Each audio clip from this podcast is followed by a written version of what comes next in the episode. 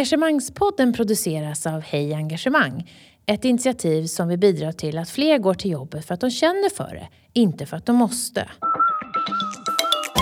Hej alla lyssnare och välkomna till Engagemangspodden Corona special med Johan Bok. I de här speciella tiderna är vi många medarbetare och chefer som har ställt om till ett digitalt arbetssätt. Oavsett förkunskaper eller om vår verksamhet är särskilt rustad för det. Idag så ska ni få tips och råd kring hur ni kan jobba digitalt och på distans med bibehållet engagemang. Hur ska chefer, teamledare och medarbetare som kanske inte träffas fysiskt på flera veckor agera för att inkludera, skapa närvaro, jobba med uppmuntran, uppföljning och återkoppling? Varmt välkommen säger jag till medgrundaren av Hej Engagemang, Johan Bok. Tack så mycket Beata, kul att vara med. Igen dessutom, det är inte så pjåkigt. Det blir så när det är ens egen podd. ja exakt, man kan bestämma lite i alla fall. Det är härligt. Johan, vad känner du särskilt engagemang för idag? För idag? Eh, det jag tycker mitt i allt det här sorgliga med viruset att det är mängder av folk som blir av med sina jobb och folk blir sjuka och de går bort och våra organisationer påverkas väldigt, väldigt mycket så känner jag ett stort engagemang för hur handlingskraftiga vi är i Sverige plötsligt och där de flesta faktiskt är, är med på noterna så att säga. Det vill säga att man förändrar sina beteenden utefter vad, vad man får information om. Det känner jag högt engagemang för.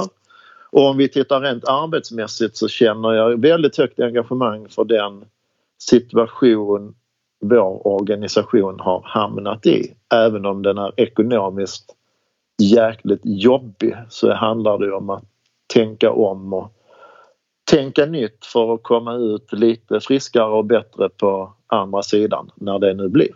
Så det känner jag stort engagemang för.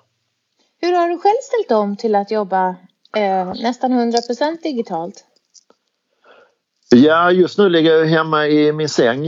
Eh, dels för att vi skulle få bra ljud i podden och det är jag inte så van vid att göra eh, under arbetstid utan då är jag ju allt som oftast ute hos kunder. Så den största omställningen för mig är att jag dels är hemma själv ganska mycket och sköter i stort sett allting via telefon eller webbmöten eller webbinarium eller digitala föreläsningar. Så det är väldigt stor skillnad sen, sen innan. Vad har du lärt dig de här senaste två veckorna? jag har faktiskt lärt mig väldigt, väldigt mycket och den största lärdomen är väl att jag har legat väldigt mycket efter i kunskap om hur man faktiskt kan använda de här digitala verktygen. Eh, så från att ha varit någonting man borde ha koll på så har det plötsligt blivit någonting man måste ha koll på. Så det finns en hel uppsjö av verktyg som faktiskt funkar både ganska och väldigt bra och vissa tycker jag inte funkar alls bra. Så det jag har lärt mig det handlar ju om vad och hur man kan använda digitala verktyg för att i alla fall till viss mån eller helt ersätta fysiska möten. Idag den 20 mars när vi spelar in då har du just hållit ett eh, webbinarium. Eh, hur, många, ja. hur många deltagare var det? Det var 475 anmälda. Eh, det jag pratade om det var hur man ska jobba med eh, måltydlighet och uppföljning, återkoppling och uppmuntran för att styra beteenden i, i rätt riktning. Det är många organisationer nu som får helt ställa om och ibland ställa in men framförallt titta på vad är det nu vi ska uppnå under nya förutsättningar och hur ska vi lyckas med det? Så det jag pratade om det är vad säger forskningen kring mål, engagemang och måluppfyllelse. Det vill säga för att man ska lyckas uppnå sina mål eller lyckas med sina förändringar. Så det visade sig vara ett väldigt poppis eh, event vilket jag tycker är kul. Vad är ditt bästa tips för att få engagemang i ett sånt här webbinarium jämfört med att stå framför en grupp eh, i ett seminarierum eller på en scen? Mitt bästa tips är nog inte helt enkelt utan det handlar nog om att lära sig på vägen. Nu är ju det här ganska nytt för mig och jag tycker någonstans att det känns både konstigt för mig att sitta på ena sidan och föreläsa eller hålla workshops när man är van att ha folk ganska tätt in på sig och det är samma när man håller utbildningar. Då är man ju liksom ett gäng i en liten lokal. hela dagen. Så det jag tror och som jag tycker vi är duktiga med din hjälp också Beata, ju, där vi hela tiden försöker hjälpa varandra att bli lite bättre. Så vi har ju alltid någon som tittar på det vi gör som kommer med tips efteråt vad vi kunde göra bättre. Och sen tycker jag det är jäkligt fräckt med framförallt LinkedIn där man får massor med tips på verktyg man kan använda för att skapa större interaktion. Det vill säga att man inte bara pratar med varandra utan man också gör saker tillsammans och kan visualisera vad man kommer fram till.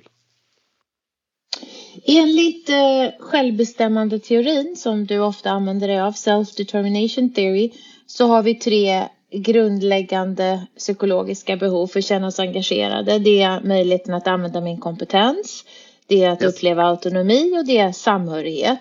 Många kanske ja. upplever att deras kompetens just är lite svajig och de har mycket autonomi, inte självvald autonomi och ganska lite samhörighet. Hur tänker du kring den situation som många medarbetare och chefer befinner sig i idag?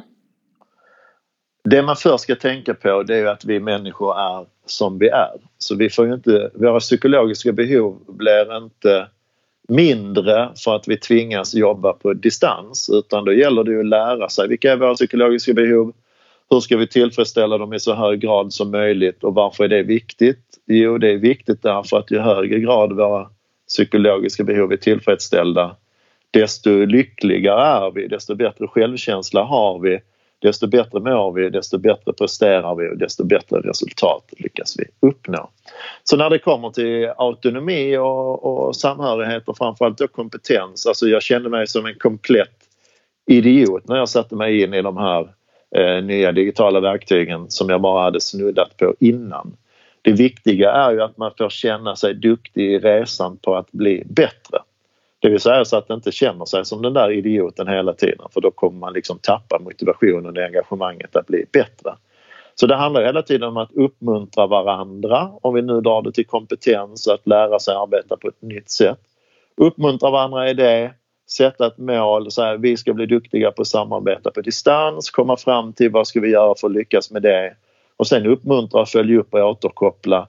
Gör vi det vi har sagt vi ska göra och tycker vi det blir bättre eller tycker vi att det blir sämre? För om vi tycker att det blir sämre då får vi revidera huret och, och göra andra saker.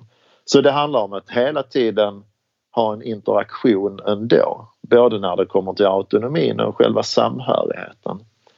Jag stötte faktiskt på ett eh, tips i en organisation som jag jobbar med. Då har de samling varje morgon hela enheten där de kopplar upp sig och alla ska synas med bild.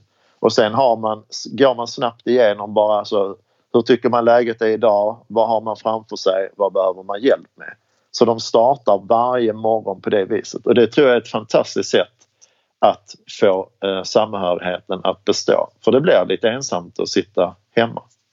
Det är ju så som man jobbar om man jobbar enligt Scrum och är utvecklare eller tänker också att det, det mm, finns mycket att hämta där kring just Väldigt, väldigt mycket. Både när det gäller Scrum och agilt arbetssätt så lutar det sig oerhört mycket både mot self-determination theory, det vill säga våra psykologiska behov, men även goal setting theory. Hur vi gör eh, för att uppnå mål och hur vi bör följa upp och återkoppla och revidera handlingsplaner och hela tiden utvärdera Gör vi det vi har sagt vi ska göra och uppnår vi den effekten och värdehemtagningen som vi är ute efter. För om vi inte gör det så måste vi styra om och göra någonting annat. För det du också säger är att göra den här läranderesan kring att eh, samarbeta digitalt och, och eh, på distans till en, en aktivitet i sig. Är det det du säger också?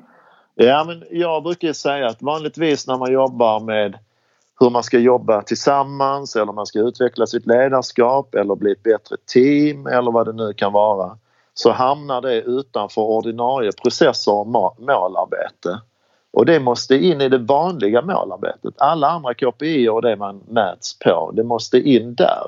För det ska man då också bryta ner i så kallade process och prestationsmål. Hur ska vi jobba tillsammans?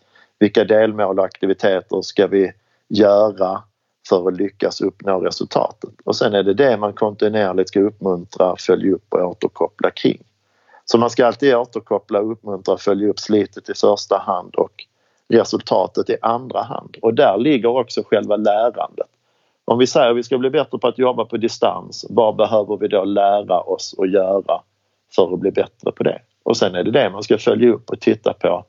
Gör vi det och lär vi oss det vi har sagt vi ska göra och uppnår vi den effekten som det är tänkt. Så det måste in i det ordinarie målarbetet. Det är därför allt sånt lite lullull är det ju inte utan det är lullull med väldigt hårda kanter när det kommer till resultat.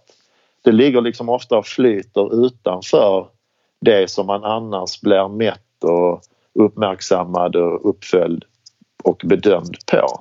Utan det måste in i det. För det man blir mätt på det kommer man göra i mycket högre grad än det man inte blir mätt på. Det man mäts på menar du alltså när du säger mätt? Ja. Jag är inte mätt rent. Jag är lite mätt nu. Jag har en fantastisk lunch faktiskt. Hemma själv framför datorn. Det Johan, borde jag haft med några andra egentligen. Ja, en, en, eh, vi hade släktmiddag igår på, på Skype. Det var kul. Mm. Ja. vad är det, det som chefer och ledare måste göra mest annorlunda nu för att bibehålla engagemanget när eh, en stor del av verksamheten jobbar på distans i så långa perioder? Det jag skulle säga är det absolut viktigaste. Det är att behålla kontakten. Både att man träffas precis som jag sa nyss kring det här med att hela teamet eller avdelningen eller enheten har kontinuerliga avstämningar via digitala eh, verktyg. Men det man också måste göra det är om vi nu ställer om vår verksamhet måste man ju förtydliga vad är det då vi ska uppnå och involvera medarbetarna på distans. Vad är det vi i så fall ska göra för att vi ska uppnå våra nya resultat. Och det behöver inte vara monetära resultat. Det kan ju vara index, det kan vara volymer, det kan vara kundnöjdhet, det kan vara patientdödlighet om man jobbar på sjukhus till exempel. Eh, det kan röra sig om en massa, massa saker inklusive själva lärandet. Och sen är det det man ska uppmuntra, följa upp och återkoppla hela tiden på både individnivå och avdelningsnivå. Så de där kontinuerliga mötena som man har med både individer och avdelning, de måste fortgå. Sen ser vi ju då i studier och forskning att det är väldigt bristfälligt både att målen upplevs som otydliga och att uppmuntran, uppföljning och återkopplingen är bristfällig.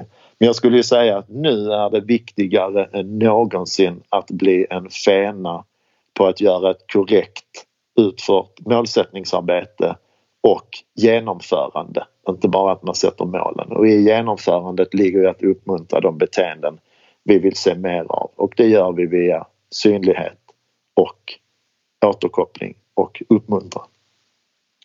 En, en ledares roll är också att inkludera eh, sina medarbetare. Eh, hur påverkas det av att jobba på distans, ser du? Nu är det här hyfsat nytt för de allra flesta. Det är väl kanske liksom de som jobbar i mjukvaruföretag eh, som är mer vana vid det än andra. Det svåra blir väl kanske att hålla de där diskussionerna som man annars har kring hur man ska lösa olika saker och ting när alla sitter på olika håll. För det blir ju ändå när man, det man ser väldigt tydligt i forskning, samlas vi gemensamt i ett rum eh, fysiskt och och tillsammans upplever att vi gör jäkligt bra saker som tar oss framåt så kommer vår motivation öka. Vi kommer vilja göra det mer än vad vi gjorde innan. Så det man måste våga, det man pratar om nu, det vi måste våga testa. Ja, okej, okay, men om vi samlar alla i samma rum nu fast de sitter på olika platser. Hur får vi dem till att få samma känsla? Hur kan vi fira och synliggöra det vi har gjort jäkligt bra hittills? Och hur kan vi få alla att vilja bidra med idéer och synpunkter på vad vi ska göra annorlunda framåt. Och då gäller det som i det fysiska arbetslivet inte bara ge dem utrymme som pratar mycket alltid utan alla ska få prata lika mycket. Så ett bra trick både när det gäller fysiskt och digitalt det är ju att låta gå laget runt. Vad tycker du Beata? Så när Beata är klar så vad tycker du Johan, Niklas, Emma och Elin och så vidare så att alla får komma till tals. Och i de digitala verktygen, nu pratar vi inte om några speciella eh, speciella verktyg, där finns ju ofta en chattfunktion. Det finns ofta möjlighet att eh, interagera och räcka upp handen. Det finns möjlighet att sätta på sin mikrofon när man blir tilltalad. Vi kan också jobba med att eh, göra omröstningar med sådana verktyg. Vi kan börja ja, mötet innan det börjar så att säga. Mm. Det finns ju virtuella anslagstavlor man också kan jobba med som alla ser samtidigt och så vidare. Så sondera terrängen och be både kollegor och vänner om tips på bra hjälpmedel man kan använda. Jag tycker Mentimeter är fantastiskt både vad det gäller fysiskt och digitalt. Det är ett verktyg både för att samla in idéer och för att till exempel rösta och visa vilka idéer som just nu känns mest eh, relevanta eller angelägna för teamet. Absolut. Något annat som du pratar mycket om det är ju det här med att skapa närvaro, att känna att vi jobbar tillsammans, att inte jag sitter här ensam och gör allt och ingen ser mig. Ehm, det har ju lite mer här att inkludera också, men just den här känslan av att nu gör vi det här tillsammans.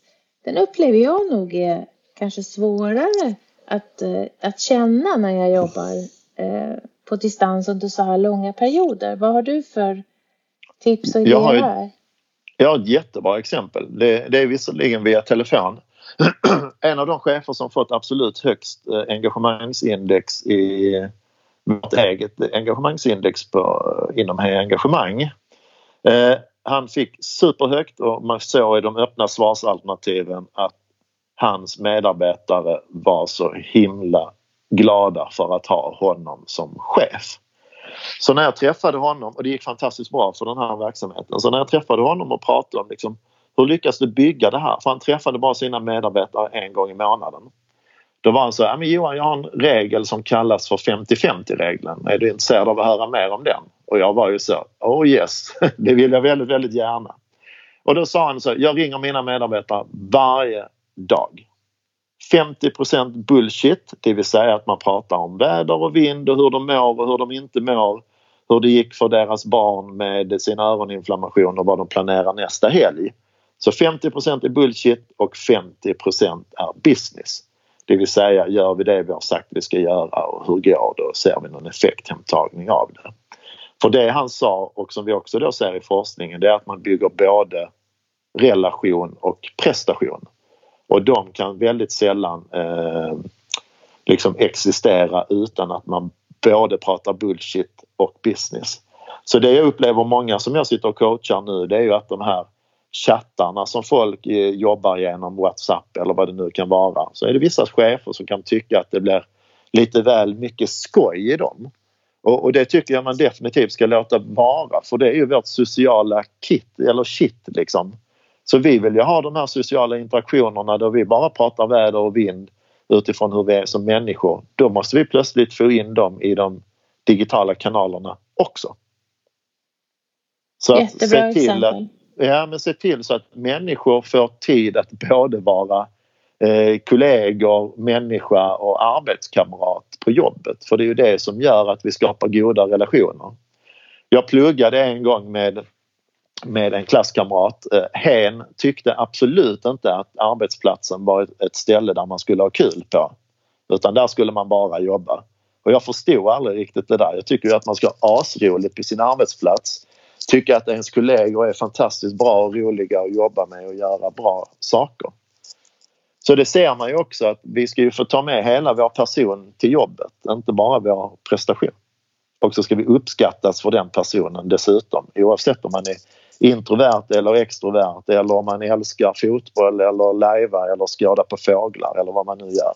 Den enda gången man inte ska uppskattas är om man är en elak eller ohövlig jäkel för då kommer man påverka sina kollegor i väldigt negativ grad både vad det gäller engagemang, välmående och prestation. Mm.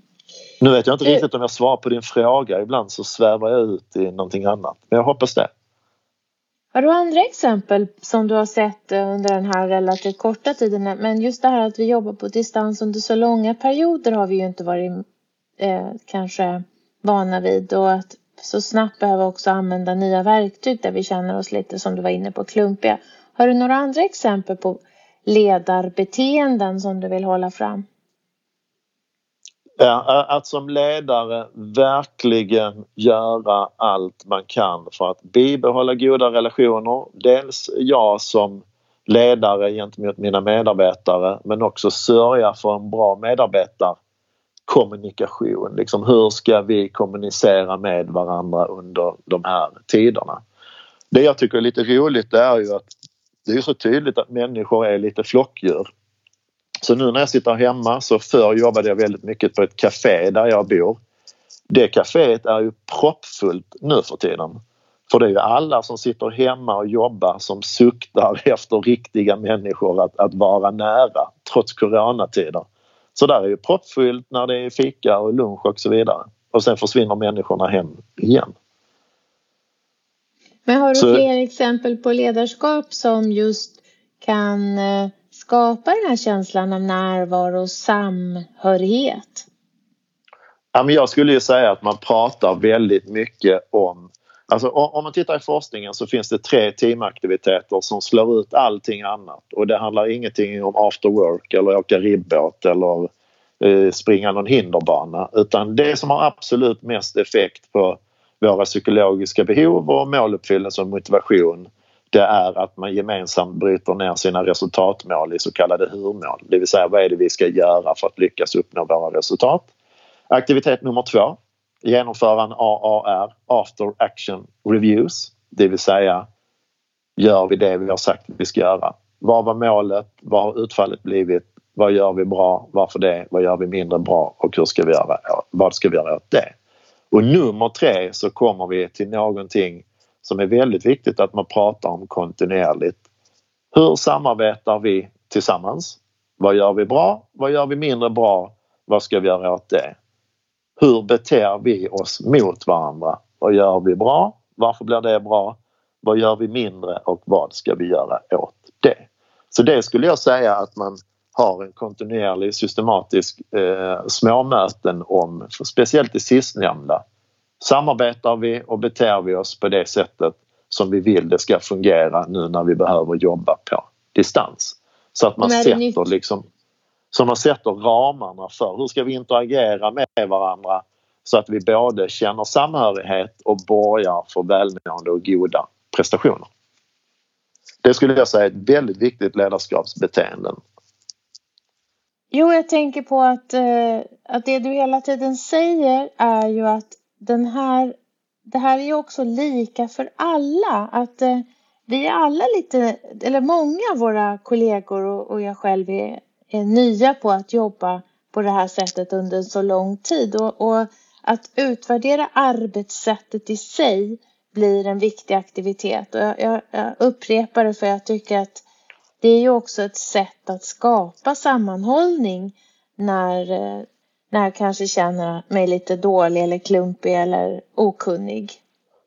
Att vi är många ja, som sitter i samma båt. Ja, och jag tycker det är vara lyhörd för sina kollegor också. Alltså, det behöver inte hela tiden vara att någon kollega ska söka upp en för att man vill socialisera eller ha lite stöd. Till exempel som vi jobbar på engagemang, då stämmer vi av läget med varandra flera gånger per dag och vi pratas ju vid flera gånger per dag dessutom.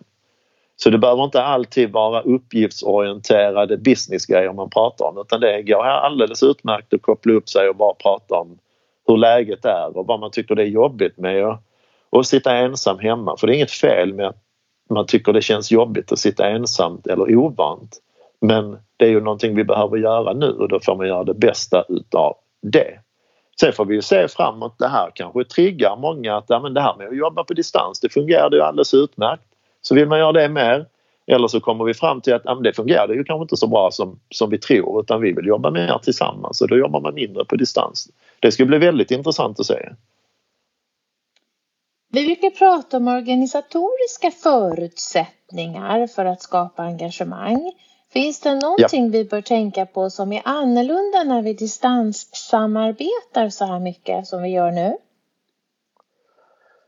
Organisatoriska förutsättningar menar man ju ofta. Vilka interna strukturer har vi i en organisation som främjar då kan man säga som främjar ett gott samarbete på distans till exempel. Eller vilka organisationsstrukturer har vi som hämmar det? Och det kan ju vara allt ifrån vilken situation man hamnar i när man måste sitta hemifrån och jobba. Det kan handla om teknik. Eh, om inte ledningsgruppen i organisationen tar efter det här arbetssättet och ger förutsättningar för att jobba på distans och kanske inte deltar och gör de här beteendena själva, då är det en typisk struktur som gör det svårare för resten av verksamheten att göra det. Så det blir i mångt och mycket en ledarfråga till slut. Liksom, att kommer jag som ledare driva den här frågan, inte bara prata om den eller lära ut den utan faktiskt i beteenden visa vägen. För om cheferna inte gör det så kommer medarbetarna få väldigt svårt att göra det för de kommer inte uppfatta det som någonting viktigt. Så det är väldigt viktigt att alla chefer går med fanan främst och gör det man säger att man behöver göra. Och chefer är ju också medarbetare så det gäller det att ge dem förutsättningar också för att göra ett bra jobb på distans. Och givetvis titta över vilka digitala verktyg man har om de är så bra som krävs. Om det här delvis ofrivilliga hemarbetandet drar ut över tiden och pågår i många, många veckor till. Eh, vad tror du kommer hända med, med engagemanget och arbetsglädjen eh, i de verksamheter där man liksom inte lyckas få till det? Ja, då tror jag definitivt att eh, engagemanget eh, kommer minska drastiskt. Folk tycker inte tycka, kommer inte att tycka att det är speciellt kul. Man kommer inte uppleva någon måltydlighet och hur man ska bidra och rent resultatmässigt för organisationen så kommer det ju bli avsevärt sämre i så fall. Så det här nya arbetssättet, jag skulle säga att det är en vågskål. Antingen gör man allt man kan för att det ska bli så bra som möjligt så länge vi behöver sitta på distans och då kommer man behöva lägga både tid, kraft och pengar på att få det att lyckas fullt ut. De som lyckas med det kommer nog gå helskinnade ur det här på ett helt annat sätt än de som inte lyckas med det. Och då kommer mycket av målbilden gälla att hur ser vi till att vi samarbetar jäkligt bra på distans? Och det är ju det, någonting som ska brytas ner i delmål och aktiviteter som man uppmuntrar, följer upp och återkopplar precis som med sina andra mål. Så jag tror det kommer få stora negativa konsekvenser om man både organisatoriskt för organisationen om man inte blir duktig på det men framförallt också för alla medarbetare som sitter hemma i sina egna hem och jobbar och förmodligen inte kommer må speciellt bra eller känna engagemang eller prestera så bra. Så det tror jag är oerhört viktigt. Du föreläser ju också om självkänsla och jag tänkte på det. Vi har ju redan pratat om det här med att man känner sig klumpig och lite som nybörjare kanske i ett yrke eller ett jobb där du har haft, eh, ja men du har känt dig väldigt eh, trygg. Um, har du några tankar kring, ja men du kan ju gå till dig själv eh, kring ja. det här med hur du nu jobbar och du prövar dig fram och vad är viktigt att tänka på? Det, anledningen till att jag är intresserad av självkänsla det är ju själv för att jag brukar säga att jag är en man eller en pojke med bra självförtroende men med taskig självkänsla. Så jag är väldigt inläst på det ämnet och då kommer vi tillbaks det som vi har pratat om lite att man ska uppmuntras i, i slitet i första hand och resultatet i andra och det gäller barn och vuxna. Så då ska man få uppmuntran, uppföljning och återkoppling på det man gör så att man hela tiden känner sig duktig, att man tar små steg mot att faktiskt bli bättre.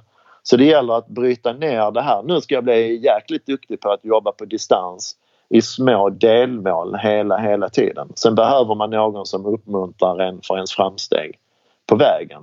Så det jag gör nu, vilket jag inte har gjort innan, delvis ofrivilligt nu också att man har mer tid nu än vad man hade innan.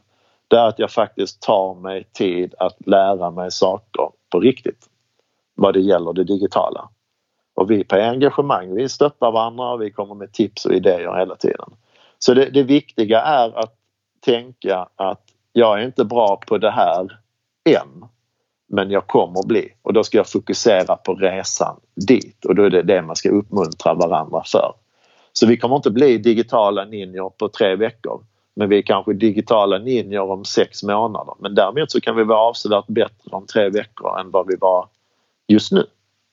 Så det är i slitet hela tiden man ska uppmuntras för att man gör saker och då kommer vi ha ett kollegialt ansvar i vår organisation att uppmuntra varandra hela tiden. Och vissa människor kommer gå in i det här nya digitala väldigt lätt. De är kanske redan inne i det till 100 procent. Sen finns det vissa som kommer tycka det är asjobbigt för de kan kanske ingenting nu. Så för dem är det en ganska lång resa att göra och då behöver man stöd på vägen. Du har ju också skrivit, eller du skriver på en bok som heter Från utbränd till heltänd. Och yes. jag skulle vilja att du reflekterade kort om eh, risken att faktiskt också jobba lite för mycket nu när eh, allt är nytt och det blir ganska korta pauser mellan olika aktiviteter eftersom vi bara sitter på samma stol, många av oss, utan att flytta. Vad, vad vill du skicka med till lyssnarna här? Det jag skulle vilja skicka med, eh, anledningen till vår eh, stressrelaterade psykisk ohälsa ligger ju det, framförallt händer det väldigt mycket i människonära yrken. Det är ofta de som bränns ut i högre grad än andra. Eh, det här stora engagemanget som både du har Beata och som jag har för det vi gör. Det finns ju en positiv sida av det, att man sysslar med det man tycker är fantastiskt intressant. Men så finns det en baksida på det. Det är att man ofta är väldigt gränslös. Det vill säga du kan nästan jobba hur mycket som helst. Du tycker det är kul och det är utvecklande men du får inte tillräckligt mycket återhämtning. Så det är nog en av de stora utmaningarna i framtiden. Hur sätter vi tydliga ramar för våra medarbetare som nu har betydligt mer engagemang för att göra ett jäkligt bra jobb mot vad de hade för 30 år sedan då man kanske bara gick till jobbet för att få pengar. Så det jag skulle vilja säga är väldigt, väldigt viktigt att de här ramarna, det handlar väldigt mycket om måltydlighet. Att man ramar in vad är det Johan Bok ska uppnå? Vad är det han ska bidra med och vad är det han inte ska bidra med?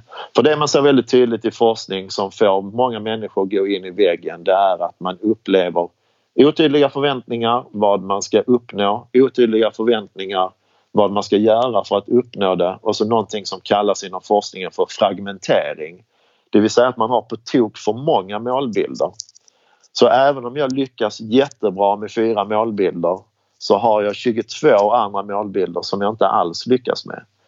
Eh, Konsekvensen av det är att vi aldrig som medarbetare och chefer är också medarbetare inte vet var vi ska rikta vår uppmärksamhet, tid och kraft under våra arbetsdagar och vi kommer aldrig känna oss tillräckliga.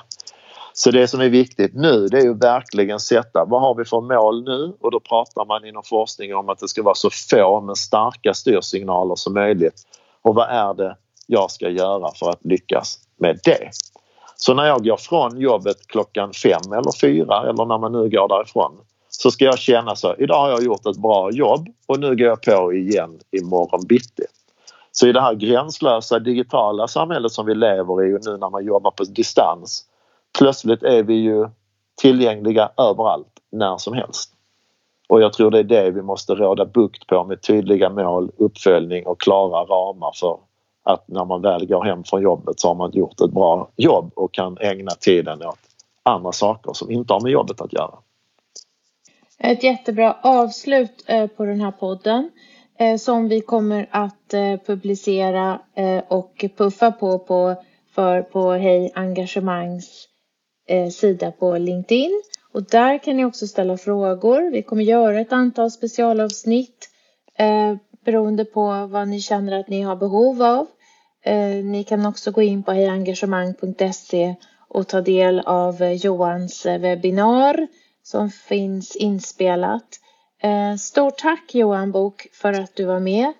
Och tack alla lyssnare för era generösa bidrag vad det gäller feedback och kommentarer. Vi gör ju det här för er. Hej då! Hej då! Vi hoppas att vi har väckt tankar om hur du kan bidra till ett mer engagerat Sverige.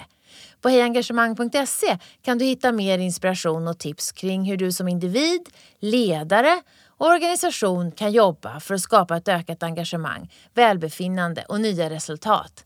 Tack för att du har lyssnat!